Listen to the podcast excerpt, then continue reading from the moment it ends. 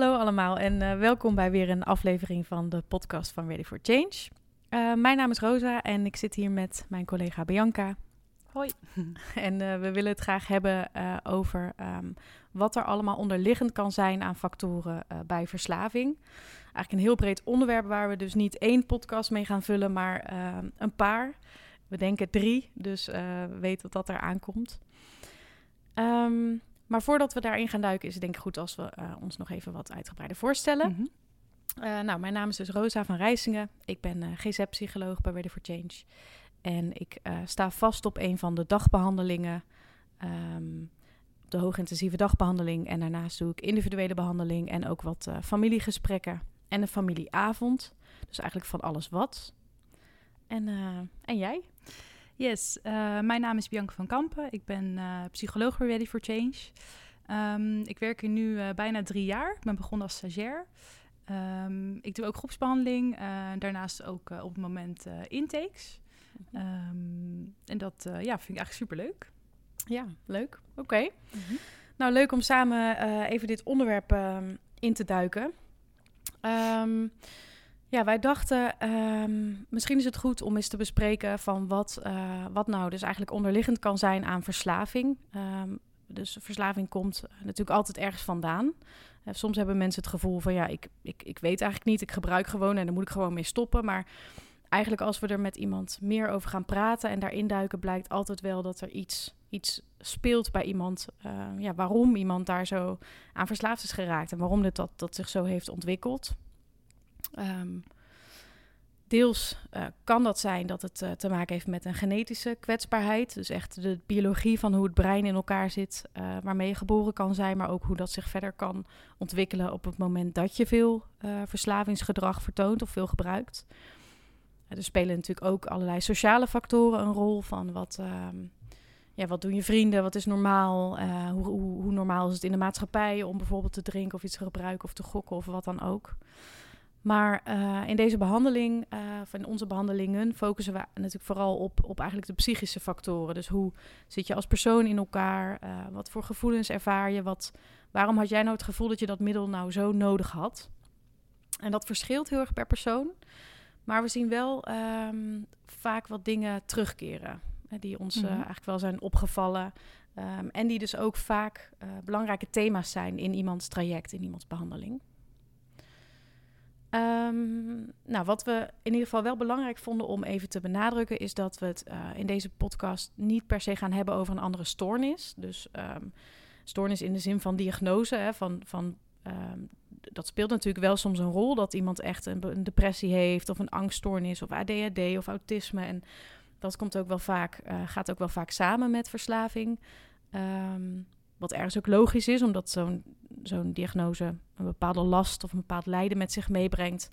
Ja, en gebruik of verslaving weer een manier kan zijn als je niet zo goed weet uh, hoe je daarmee om moet gaan. Maar in dit geval gaat, gaan we daar niet per se over hebben, maar meer over algemene persoonlijkheidsfactoren. Van hoe zit je in elkaar? Um, ja, wat ook een rol kan spelen bij mensen die geen verslaving hebben. Um, maar um, we wel vaak terugzien eigenlijk uh, hier in behandeling. Ja. Dus als we daar eens mee beginnen, wat denk jij, Bianca, wat is wat jou betreft uh, misschien wel de belangrijkste factor die we, die we hier behandelen en die we vaak terug zien komen? Um, ja, wat, wat we wel merken is dat, um, ja, dat het toch wel heel vaak gaat over het omgaan met emoties. Uh, dus emotieregulatie. Um, emotieregulatie is eigenlijk uh, een gezonde manier van omgaan met je emoties. Hè, dus het kunnen uiten van je emoties. Um, en wat we wel vaak zien hè, bij mensen uh, met een verslaving is dat, um, ja, dat, daar, dat daar iets uh, niet helemaal goed zit. en, en soms is het dus zo dat mensen zoiets hebben van nou, ik, ik ervaar eigenlijk helemaal geen emoties. Ik voel eigenlijk gewoon helemaal niks. er zijn ook mensen die zeggen, nou ja, ik, ik voel wel dingen, maar ik weet eigenlijk niet zo goed wat ik dan voel. En ik voel dan ook wel dingen in mijn lijf bijvoorbeeld. Maar ik weet eigenlijk niet zo goed waar dat dan vandaan komt, wat dat precies is.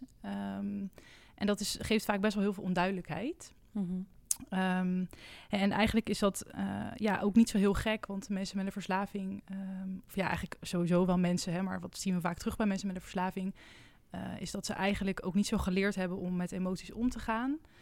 Ehm, hè, dat kan vanuit, eh, vanuit huis, vanuit ouders, verzorgers kan dat zijn. Ehm, het, het, kan ook zo zijn dat ze uh, gewoon al zo vroeg zijn begonnen met gebruiken... dat ze ja, ook niet echt de mogelijkheid hebben gehad om te leren omgaan met emoties. Hè? Mm ja, omdat uh, gebruik natuurlijk eigenlijk, of middelen, een manier zijn om emoties te dempen. dus ja, er is best wel altijd als mensen in behandeling komen... is er gewoon heel veel, is er gewoon heel veel onduidelijkheid. Um, en is het, heb jij het idee dat dat dan nog verschilt, bijvoorbeeld in hoe lang iemand heeft gebruikt, hoe moeilijk iemand dat dan vindt? Ehm, ja, dat is een goede vraag. Ehm, ik denk dat het wel zo is dat als, um, hè, als mensen echt 30, 40 jaar lang al in actief gebruik zijn, dan zijn die emoties denk ik een stuk verder weggestopt. Mm kijk, als iemand pas een jaar in gebruik is en, is iemand, en iemand is een jaar lang die emoties aan het wegstoppen door middel van een middel, dan, ja, dan kan ik me voorstellen dat je daar misschien wat makkelijker eh, bij kan. Weer mee in contact komt. Ja, ik weet niet wat jouw ervaring daarin is. Ja, denk wel, ja, wel vergelijkbaar, denk ik, ja. En misschien ook uh, wat je net al zei, als iemand al heel vroeg begint met gebruik, ik denk dat dat ook wel vaak belangrijk is om mee te nemen in het gesprek hierover. Dat als iemand echt nog voor de puberteit bijvoorbeeld, hè, sommige mensen starten echt heel vroeg mhm. met die verslaving. Ja. En dan is eigenlijk die hele ontwikkeling van dat sociaal-emotionele nog helemaal niet op gang gekomen. En ehm, ja, dat zijn natuurlijk wel hele belangrijke jaren waarin je dat zelf ook een beetje gaat ontdekken. Van wat doe ik eigenlijk? Wat helpt me eigenlijk als ik me verdrietig voel of angstig voel of wat dan ook. Mhm. Ehm, dus, dus dat het ook wel is hoe vroeger iemand daar echt mee is begonnen. Dat we wel vaak zien, denk ik, dat dat dan ook dus moeilijker is om weer op een goede manier aan te leren en weer mee uh, in contact te komen. Ja, ja, ja. Ja, ja. Um, ja ik denk dat het daarbij um, ook wel belangrijk is, hè, wat we dus eigenlijk in de behandeling ook doen, is, doen, is iemand dus ook leren van hey, welke emoties zijn er überhaupt. Mm dat mensen zelf ook gaan kijken van nou, ehm, ja, wat, wat voel ik dan eigenlijk? Welke signalen horen daarbij? Wat, um, ja, wat, wat betekent dat? en ik denk dat we daarin wel, ja, wel een aantal emoties uh, vaker terugzien, zeg maar, die mhm. vaak wel kunnen leiden tot gebruik. ja, bijvoorbeeld verveling, somberheid, uh, angst, stress, eenzaamheid, boosheid. Um, hè, wil niet zo zeggen dat iedereen natuurlijk die op de wereld die emoties ervaart, dat je dan uh, daardoor dan maar gaat gebruiken. Hè? Uh, maar dat zijn wel emoties, als daar niet op een gezonde manier mee om wordt gegaan, dat dat wel kan leiden tot gebruik bij mensen met een verslaving. Um, en um, ja, weet je, ik denk dat, dat dat ook misschien zelfs wel herkenbaar is voor mensen die misschien ook niet gebruiken. Hè? Bijvoorbeeld verveling. Uh, mm. hè, dat kan best wel heel vervelend aanvoelen als je thuis op de bank zit. Je hebt niks te doen. Uh, heb je heel veel tijd om na te denken. Tijd om je emoties te voelen die je misschien niet wil voelen. Um, dan kan dat er wel voor zorgen dat, dat, dat je dus de behoefte krijgt om te gaan gebruiken. Ja. Um, en dat is ook iets wat ik wel vaak terughoor. Hè, dat mensen in actief verslaving eigenlijk continu bezig willen zijn. Uh, om maar niet stil te hoeven staan bij die bij die emoties. Mhm. En hoe is dat dan? Want uh, eigenlijk de, de emoties die je zo noemt, die, her, ja, die herken ik ook wel. Dat dat vaak emoties zijn die mensen lastig vinden. En dus ook wat een soort voedingsbodem was voor die mhm. verslaving. Maar aan de andere kant denk ik ook wel eens... ja, dat zijn ook gevoelens die ik zelf ook niet fijn vind. En ook eigenlijk het liefst mhm. niet zou voelen. Ja. Um, wat is daar dan anders in, denk jij? Of hoe, hoe zie jij dat? Um, ja, dat is een goede vraag. Um, Kijk, eigenlijk is, is gebruik is eigenlijk gewoon een soort van uh, manier van coping, zeg maar. Dus een manier van omgaan met die emoties. Um, en ja, andere mensen die niet verslaafd zijn, die hebben waarschijnlijk andere manieren van coping. Dat hoeven natuurlijk ook niet altijd de meest gezonde manieren te zijn. Hè? Het kunnen ook andere dingen zijn. Wat, wat dan bijvoorbeeld, waar denk je dan aan? Nou, ik denk dat, um, dat andere mensen gaan misschien bijvoorbeeld wel um, uh, zes keer per week naar de sportschool. Mm -hmm. um, hè, dan kan je ook afvragen of dat een gezonde manier is. Alleen is ja, sporten dan wel iets gezonder dan dat je iedere avond uh, ja, cocaïne gaat snuiven bijvoorbeeld. Mm -hmm. Dus daarin denk ik ook, hè, wat je zegt, dat, dat ieder mens dat ook wel kan herkennen. Ja. ja, alleen uh, gebruik maakt natuurlijk nog veel meer kapot. Eh, en dat, dat maakt het lastig. En daarom is het ook belangrijk voor ieder mens, maar ook dus voor mensen met een verslaving, om wel om te leren met die emoties om te gaan. Ja, ja en ook wel uh, wat je zegt, dat, dat, dat ook sporten of, of die emoties wegdrukken, is allemaal natuurlijk ook een hele korte termijn mm -hmm. oplossing. En dan voel je ja. dat gevoel even niet. Maar wat we dan wel vaak terug merken is dat het eigenlijk alleen maar harder terugkomt. Hè? Dat het eigenlijk Ja. een soort... Ja. We vergelijken het ook wel eens met een bal, een soort luchtbal die je onder water houdt en eh, met mannenmacht eh nou, probeert onder water te houden en niet, dus niet te zien. Maar eigenlijk hoe langer je daar, ehm, hoe, je, hoe langer je die bal daaronder houdt, hoe meer energie het kost en hoe vermoeider je raakt en hoe groter de kans is dat die bal opeens naar boven schiet. Eh, dus hoe meer je de emoties eigenlijk weg wil houden, hoe groter ze Mm. eigenlijk worden. Ja. En dat is natuurlijk wel iets ehm, eh, wat, wat best wel lastig is om echt in te zien. ehm, als je zo gewend bent om het weg te stoppen, dat het, Mhm. eh, dat het eigenlijk alleen maar groter terugkomt. En wat Ja. mensen soms ook wel ervaren als ze bij ons in behandeling komen, denk ik, en clean worden. Van, oh shit, er zit eigenlijk veel meer. Ik voel eigenlijk veel meer. Mhm. En ik moet daar iets mee, maar wat dan? En dat dat echt wel een worsteling is eh, bij mensen. Ja, precies. Ja, en ook vooral omdat dan natuurlijk in behandeling komen ineens van alle jaren al die emoties eruit. Mhm. Ehm, is het natuurlijk nog veel, veel erger dan als het, als het al eerder zeg maar toegelaten zou worden.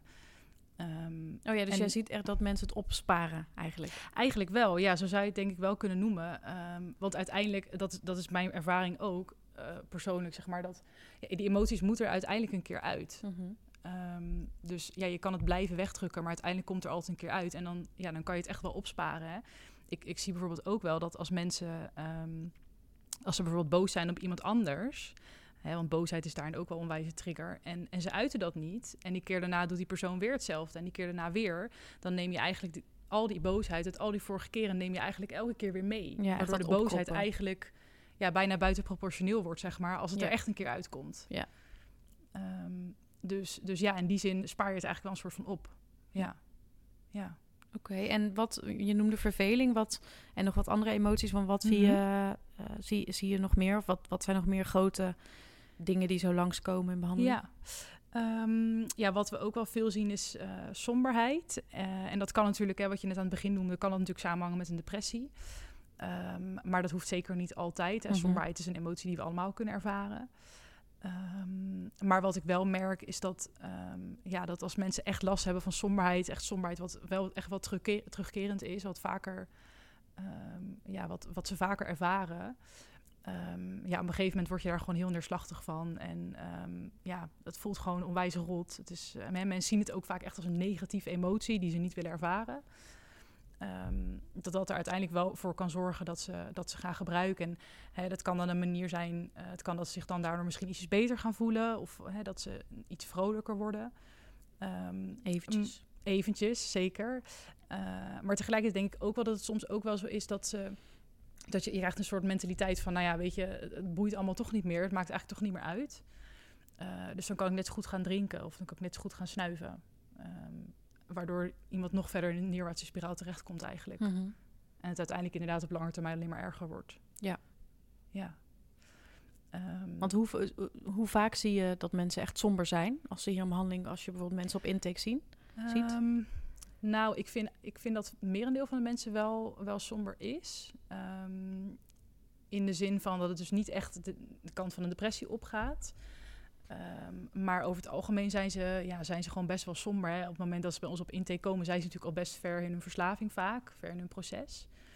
Ehm, en ik merk ook wel dat die somberheid hangt dan ook wel echt een beetje samen ehm, met hoe ze naar zichzelf kijken. Hè. Dus ze worden echt wat negatiever ook over zichzelf. Ja.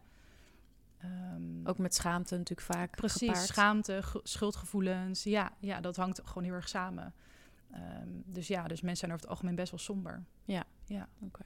En zie je dan dat dat snel opknapt als ze in behandeling gaan? Gaat dat dan weg? Of, of is dat dan ook iets wat je dus echt moet leren? Van hoe je dan omgaat met die somberheid? Ehm, nou, wat ik altijd wel opvallend vind, is op het moment dat mensen eh, gestopt zijn eigenlijk met gebruik. Dat is ook als ze bijvoorbeeld al clean op intake komen. Soms zijn ze natuurlijk zelf van tevoren al gestopt, maar ook als ze dus eh, met hulp van ons clean worden en dan in de behandeling dus clean starten. Dan zijn ze in het begin vaak eh, ja, bijna een soort van euforisch. Dat noemen we dan ook wel de roze wolk. Ehm, en dan is het eventjes gewoon heel fijn en voelen zich een paar weken gewoon heel goed. En eh on top of the world, ze kunnen alles aan. Ehm, maar dan daarna merken ze toch ook wel ja, dat dat natuurlijk niet blijvend is. Ja. Eh, en dat dan eigenlijk weer ook een beetje de dagelijkse dingen komen, eigenlijk komen ze dan weer tegen. Ja, en dan krijgen ze toch weer te dealen met somberheid. Ehm, alleen is het, dan, ja, is het dan op een andere manier. Is het niet overheersend, maar is het gewoon... ehm, ja, komt het meer passend bij, bij dingen die ze ook meemaken in die weken dat ze bij ons zijn. Ja. Eigenlijk een hele normale emotie, Ja. zeg maar, Ja. tussen, tussen aanhalingstekens, maar wel iets wat ze eerder vaak hebben onderdrukt. Dus wat ook wel weer nieuw is om dan echt aan te gaan en ja, over te delen ook hè, in de groepen. Ja. Eh, gaat het natuurlijk vaak over emoties en Zeker. van eh, checken we ook altijd in van hoe voel je je vandaag en op dit moment en eh, wat doen andere verhalen met je of wa- wat dan ook. Mhm. Dus dat het ook wel heel nieuw is om dat dan clean aan te gaan en mee te dealen eigenlijk. Ja. Maar ergens als je het zo inderdaad er weer over hebt, besef ik ook wel dat zo'n herstelproces, vooral het begin, dat vroege herstel gaat alle kanten op qua emoties. Puur omdat je aan het Mhm. afkicken bent, maar ook omdat je gewoon helemaal niet gewend bent om, eh, ja, om dus helemaal nuchter eh, Ja. te leven eigenlijk. Ja. Dat het echt wel heel overweldigend kan zijn ehm, in, in het begin. Ja. ja, en ik denk dan ook wel in het begin ehm, dat die emoties op, dan in die behandeling misschien ook wel nog wel ietsjes extremer zijn dan dat ze uiteindelijk gaan worden. Eh, omdat het natuurlijk ook allemaal in één keer eruit komt. Hè? Mm. En ook al ben je een paar weken verder in behandeling, dan nog steeds is het natuurlijk heel erg wennen en op een andere manier mee leren omgaan. Ehm, dus, dus ik denk ook dat, dat dat dan ook nog niet representatief is voor hoe, hoe die emoties uiteindelijk wat meer stabiliseren, denk ik, na de behandeling ook Ja. nog. Ehm, eh, en, en soms hoort het natuurlijk ook wel gewoon bij in het leven dat je soms ineens, hè, bij sommige situaties ben je gewoon ineens super somber of ben je ineens heel angstig. Dat is Ja. ja, ook wel gewoon normaal. Ja, wat jij en ik ook hebben. Ja, Ja, ja. Oké. En ehm, zijn er nog meer emoties die vaak, eh, vaak terugkomen? Mhm. Ehm, ja, ik noemde net al eventjes kort angst. Mhm. Ehm, ik denk dat angst ook wel een, eh, een belangrijke is. Eh, en angst is natuurlijk eigenlijk in heel veel vormen. Je hebt, ja, je hebt meer in de zin van nervositeit of, of wat spanning. Maar angst kan natuurlijk ook wel heel overheersend en verlammend zijn. Ja. Ehm, en ik merk wel dat, dat angst ook wel echt zo'n emotie is, net als somberheid, dat mensen gewoon echt heel vervelend vinden. Ehm, ik vind dat zelf ook geen prettige emotie. Ehm, en dat vaak gebruik wel echt kan helpen om even, even die angst een beetje te dempen, waardoor ze toch een bepaalde situatie eh, meer aan durven te gaan. Ja. En dat is dan natuurlijk ook wel heel spannend als ze dat, die, die vastigheid van dat middel niet meer hebben. Ja, en het dus ineens zelf moeten gaan doen, zeg maar. Ja. Dus ehm, ja, dus angst is daarin ook echt wel een, eh, een trigger. Ja. Want waar, waar zijn mensen dan, los van zeg maar waar mensen echt bang voor zijn, maar je zegt ook van je- mensen hebben de vastigheid van dat middel niet meer die hun hielp om met emoties om te gaan. Dus alleen dat Mhm. al lijkt me best wel eng. Dat, je, Mhm. dat je niet meer kan, Ja. ja. kan vertrouwen op iets wat je voorheen een soort veilig en gedempt gevoel gaf. Ja. Maar waar, waar zijn mensen dan in jouw ervaring bang voor als ze eh, dat clean aangaan? Als ze, als ze dus zeggen, oh, ik, hè, de, de angst, ik ben heel zenuwachtig voor iets, dat kan ik niet dempen. Mhm. Mensen willen daar toch heel graag van weg. Is dat puur omdat het gewoon niet fijn, fijn is om te voelen? Of zijn ze ook nog bang dat er iets gebeurt? Of... Ehm, ik denk dat het beide wel is. Ehm, wat ik vaak wel terughoor, hè, is dat, dat mensen die van zichzelf van nature toch wat meer introvert zijn, eh, die sociale situatie bijvoorbeeld best wel spannend vinden, eh, bijvoorbeeld in groepen, et cetera. Ehm, ja, dat dan bijvoorbeeld eh, een middel echt wel kan helpen om wat meer zelfverzekerd te zijn. Ehm, dat is wel een, ja, een functie wat ik best wel vaak terughoor. Ehm, ja, dus ik denk dat het eigenlijk eh, ik denk dat heel veel situaties wel terug zijn te leiden naar onzekerheid in zichzelf. Oké. Ja, ik weet niet hoe jij, wat jouw ervaring daar, eh, daarin is. Ja, ik denk wel hetzelfde inderdaad.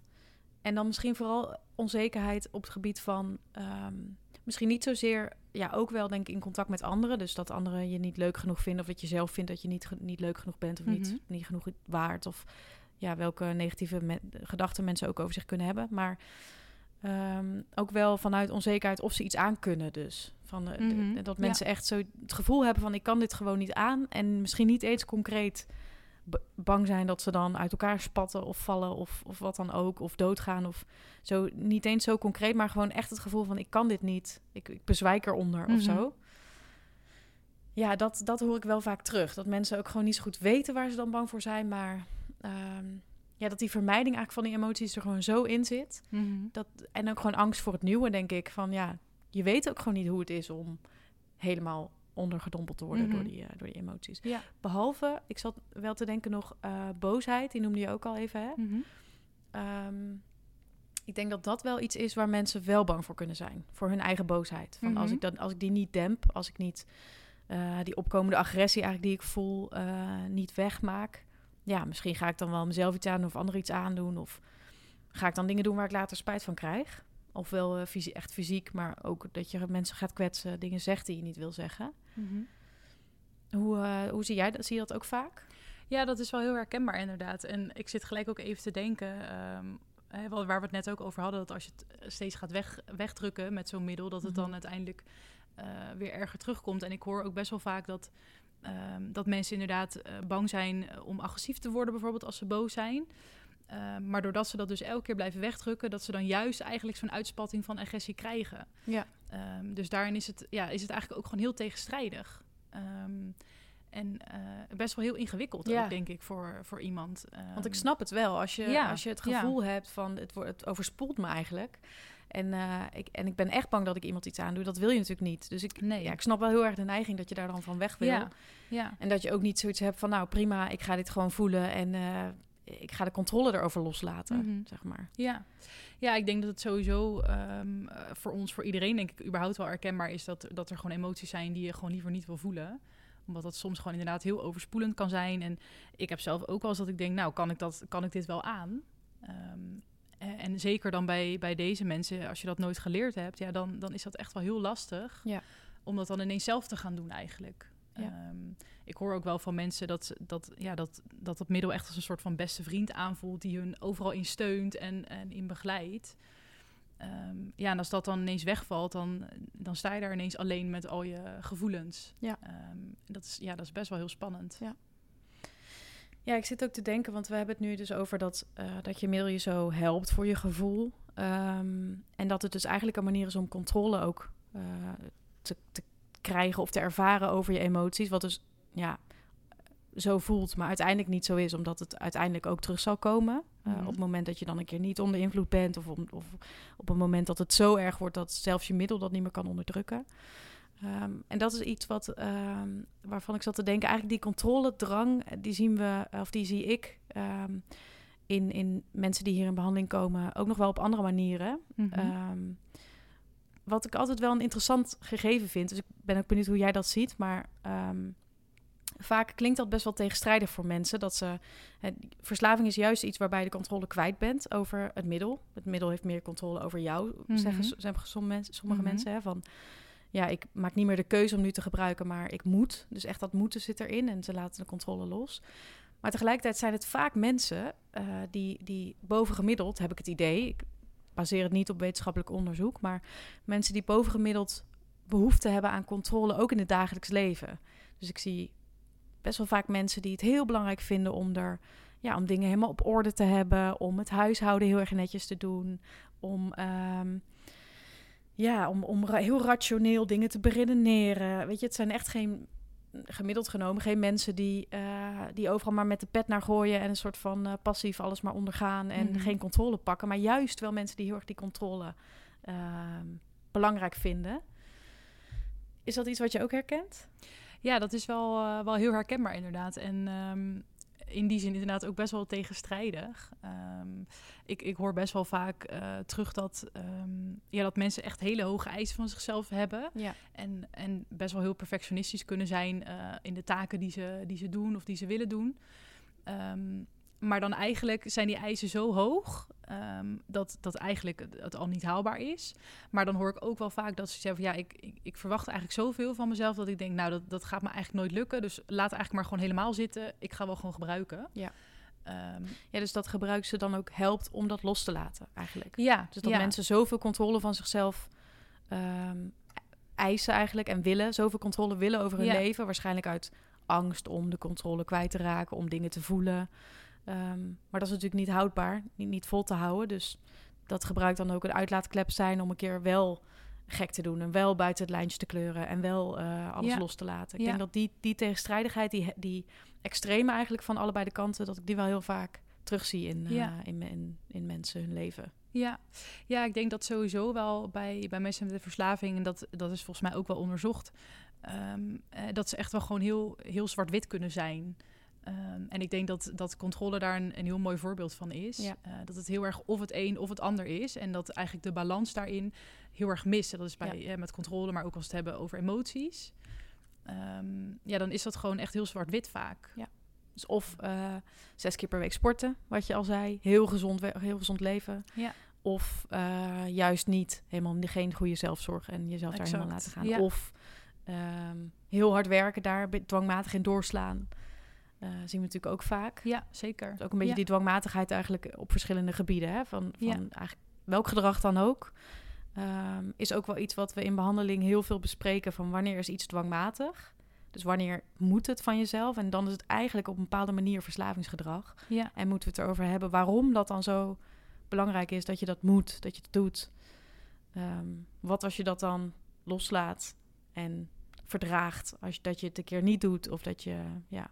Ja. ja, precies. En dat hangt dan natuurlijk ook weer heel erg samen met de emoties. Hè? Want ja, ja, ik hoor dan best wel vaak terug ook dat mensen, nou dan hebben ze geen middel, maar uh, dan, dan maar inderdaad zes keer in de week sporten. Want dan hoef ik ook niet stil te staan bij mijn emoties. Hè? En, ja. En daar heb je vervanging eigenlijk. Ja, dan heb je nog de extra factor dat dat natuurlijk, dat je dat heel mooi kan goed praten voor jezelf, omdat dat natuurlijk gezond is, hè, sporten. Um, dus, um, dus ja, ik denk dat inderdaad dat, dat stukje controle, dat, dat vloeit gewoon in heel veel uh, aspecten van, uh, van je leven dan voort eigenlijk. Ja. Ja. ja. ja. die, ik denk ook die kruisverslaving, daar zouden we nog een hele andere podcast over Zeker. kunnen um, maar goed, we zijn al een tijdje bezig, dus ik denk dat het goed is om voor nu mm -hmm. af te gaan ronden. Ja ja, we hebben nog best wel wat andere factoren die we willen bespreken. Wat is wat jou betreft uh, de volgende, voor de volgende aflevering? Ja, um, nou volgende keer denk ik dat het uh, heel interessant is om het uh, wat meer te gaan hebben over eigenwaarde. Um, dus straks heb ik het al eventjes heel kort benoemd, hè, dat... Um, hoe mensen naar dat, zichzelf kijken. Ja, hoe mensen naar zichzelf kijken. Dat we vaak wel zien dat mensen ja, echt wel geneigd zijn om heel negatief naar zichzelf te kijken. ook wel doordat ze dus een verslaving hebben. Um, en ja, dat is wel een heel belangrijk thema, wat eigenlijk ook weer uh, ja, gewoon samenhangt met heel veel andere aspecten. Um, okay. Dus ik denk dat het heel interessant is om het daarover te hebben. Um, en ik denk dat het ook interessant is om het te hebben over wat meer stukje sociale vaardigheden. Um, dat is dan uh, misschien voor een derde, derde aflevering. Um, dat we daar ook wat meer kunnen hebben uh, over een stukje assertiviteit. Um, ja, hoe mensen in contact hoe... zijn met anderen. Precies, ja. ja.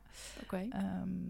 ja, dus ik denk dat we nog genoeg te vertellen hebben wat dat betreft. Oké, okay. helemaal goed. Nou, dan horen jullie ons de volgende aflevering weer. Dankjewel, Bianca. Dankjewel.